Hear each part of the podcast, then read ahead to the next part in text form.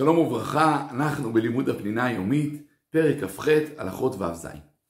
כאשר אדם התחיל לקחת כדורים לפני השבת, ואם יעצור את הלקיחה זה עלול לפגוע, כדוגמת אנטיביוטיקה שצריך לקחת אותה ברצף, וכיוצא בזה. מותר לו להמשיך לקחת את הכדורים בשבת. וזה משתי סיבות. סיבה אחת, יש סוברים ש... כל שהתחילו לקחת את הכדורים מערב שבת, לא גזרו עליהם משום שחיקת סמנים. כי כל החשש הוא שעכשיו הוא מתחיל בשבת לקחת איזושהי תרופה, ויבוא לשחוק סמנים. אבל אם זה כבר תרופה שהתחיל לקחת לפני, והוא יודע, והוא הכין, ממילא אין על זה גזירה. ועוד, כבר הזכרנו שיש סוברים שכאשר מדובר על תרופות שמיוצרות בבתי חרושת, אין עליהם את האיסור, ולכן ממילא מותר לו להמשיך ולקחת את התרופה. ממילא הוא הדין אישה שנוטלת גלולות למניעת הריון או לחיזוק הריון, יכולה להמשיך לקחת. והוא הדין אם אדם לוקח ויטמינים או כדורי הרזייה, מותר לו להמשיך לקחת. וכאן אגב מצטרפת עוד סיבה. ויטמינים זה לא מאכל של חולים, גם אנשים בריאים לוקחים ויטמינים. ולכן ממילא יש אומרים שאין בהם בכלל את האיסור, ומצטרף לדברים הקודמים שאמרנו, ממילא מותר לאדם להמשיך לקחת ויטמינים או כדורי הרזייה גם בשבת.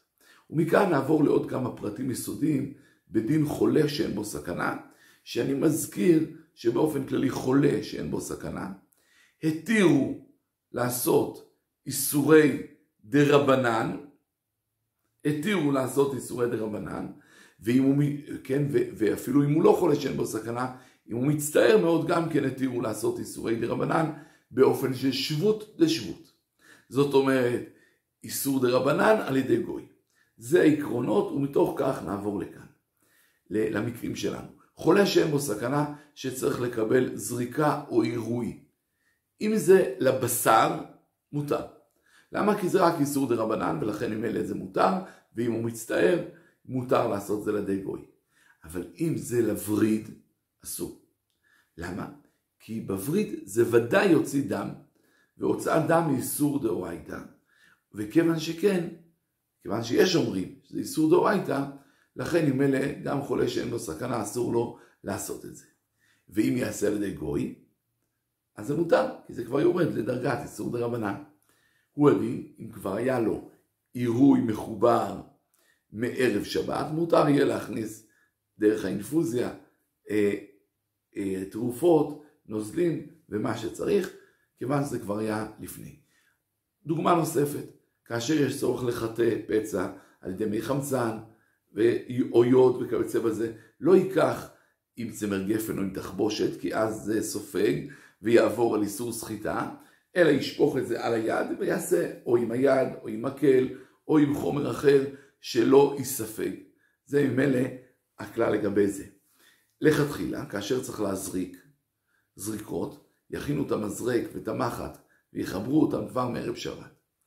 אבל כאשר לא עשו את זה, מותר לעשות זה גם בשבת בשביל חולה שאין בו סכנה, מכיוון שזה רק איסור דרבנן ואין בדבר הזה איסור דאורייתא.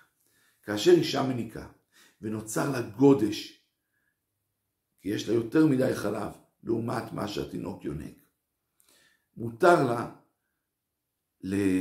להוציא מהחלב כדי להקל את הגודש, אבל היא תהיה חייבת להוציא את זה לאיבוד. כי כאשר יש איסור, אסור לחלוב בשבת משום מלאכת דש, וממילא אין היתר להוציא חלב כתוצאה מכאב, אבל כאשר זה לאיבוד אז רק איסור דרבנן ואז ממילא זה יהיה מותר. ולכן ממילא היא תצטרך להוציא מהחלב שלה לאיבוד או לכיור או לתוך חומר שיפגום את זה, ואם היא רוצה להשתמש במשאבה ידנית או במשאבה חשמלית שתופעל על ידי שעון שבת, מותר לה גם לעשות את זה. כאשר על פי הרופאים התינוק צריך לינוק רק חלב, והאישה לא יכולה להניק אלא ידי שאיבה, מותר לה לשאוב חלב גם בשבת, כי זה כבר פיקוח נפש. ואחד המדדים זה האם גם ביום חול היא מקפידה תמיד לשאוב כל פעם שיש, שיש צורך.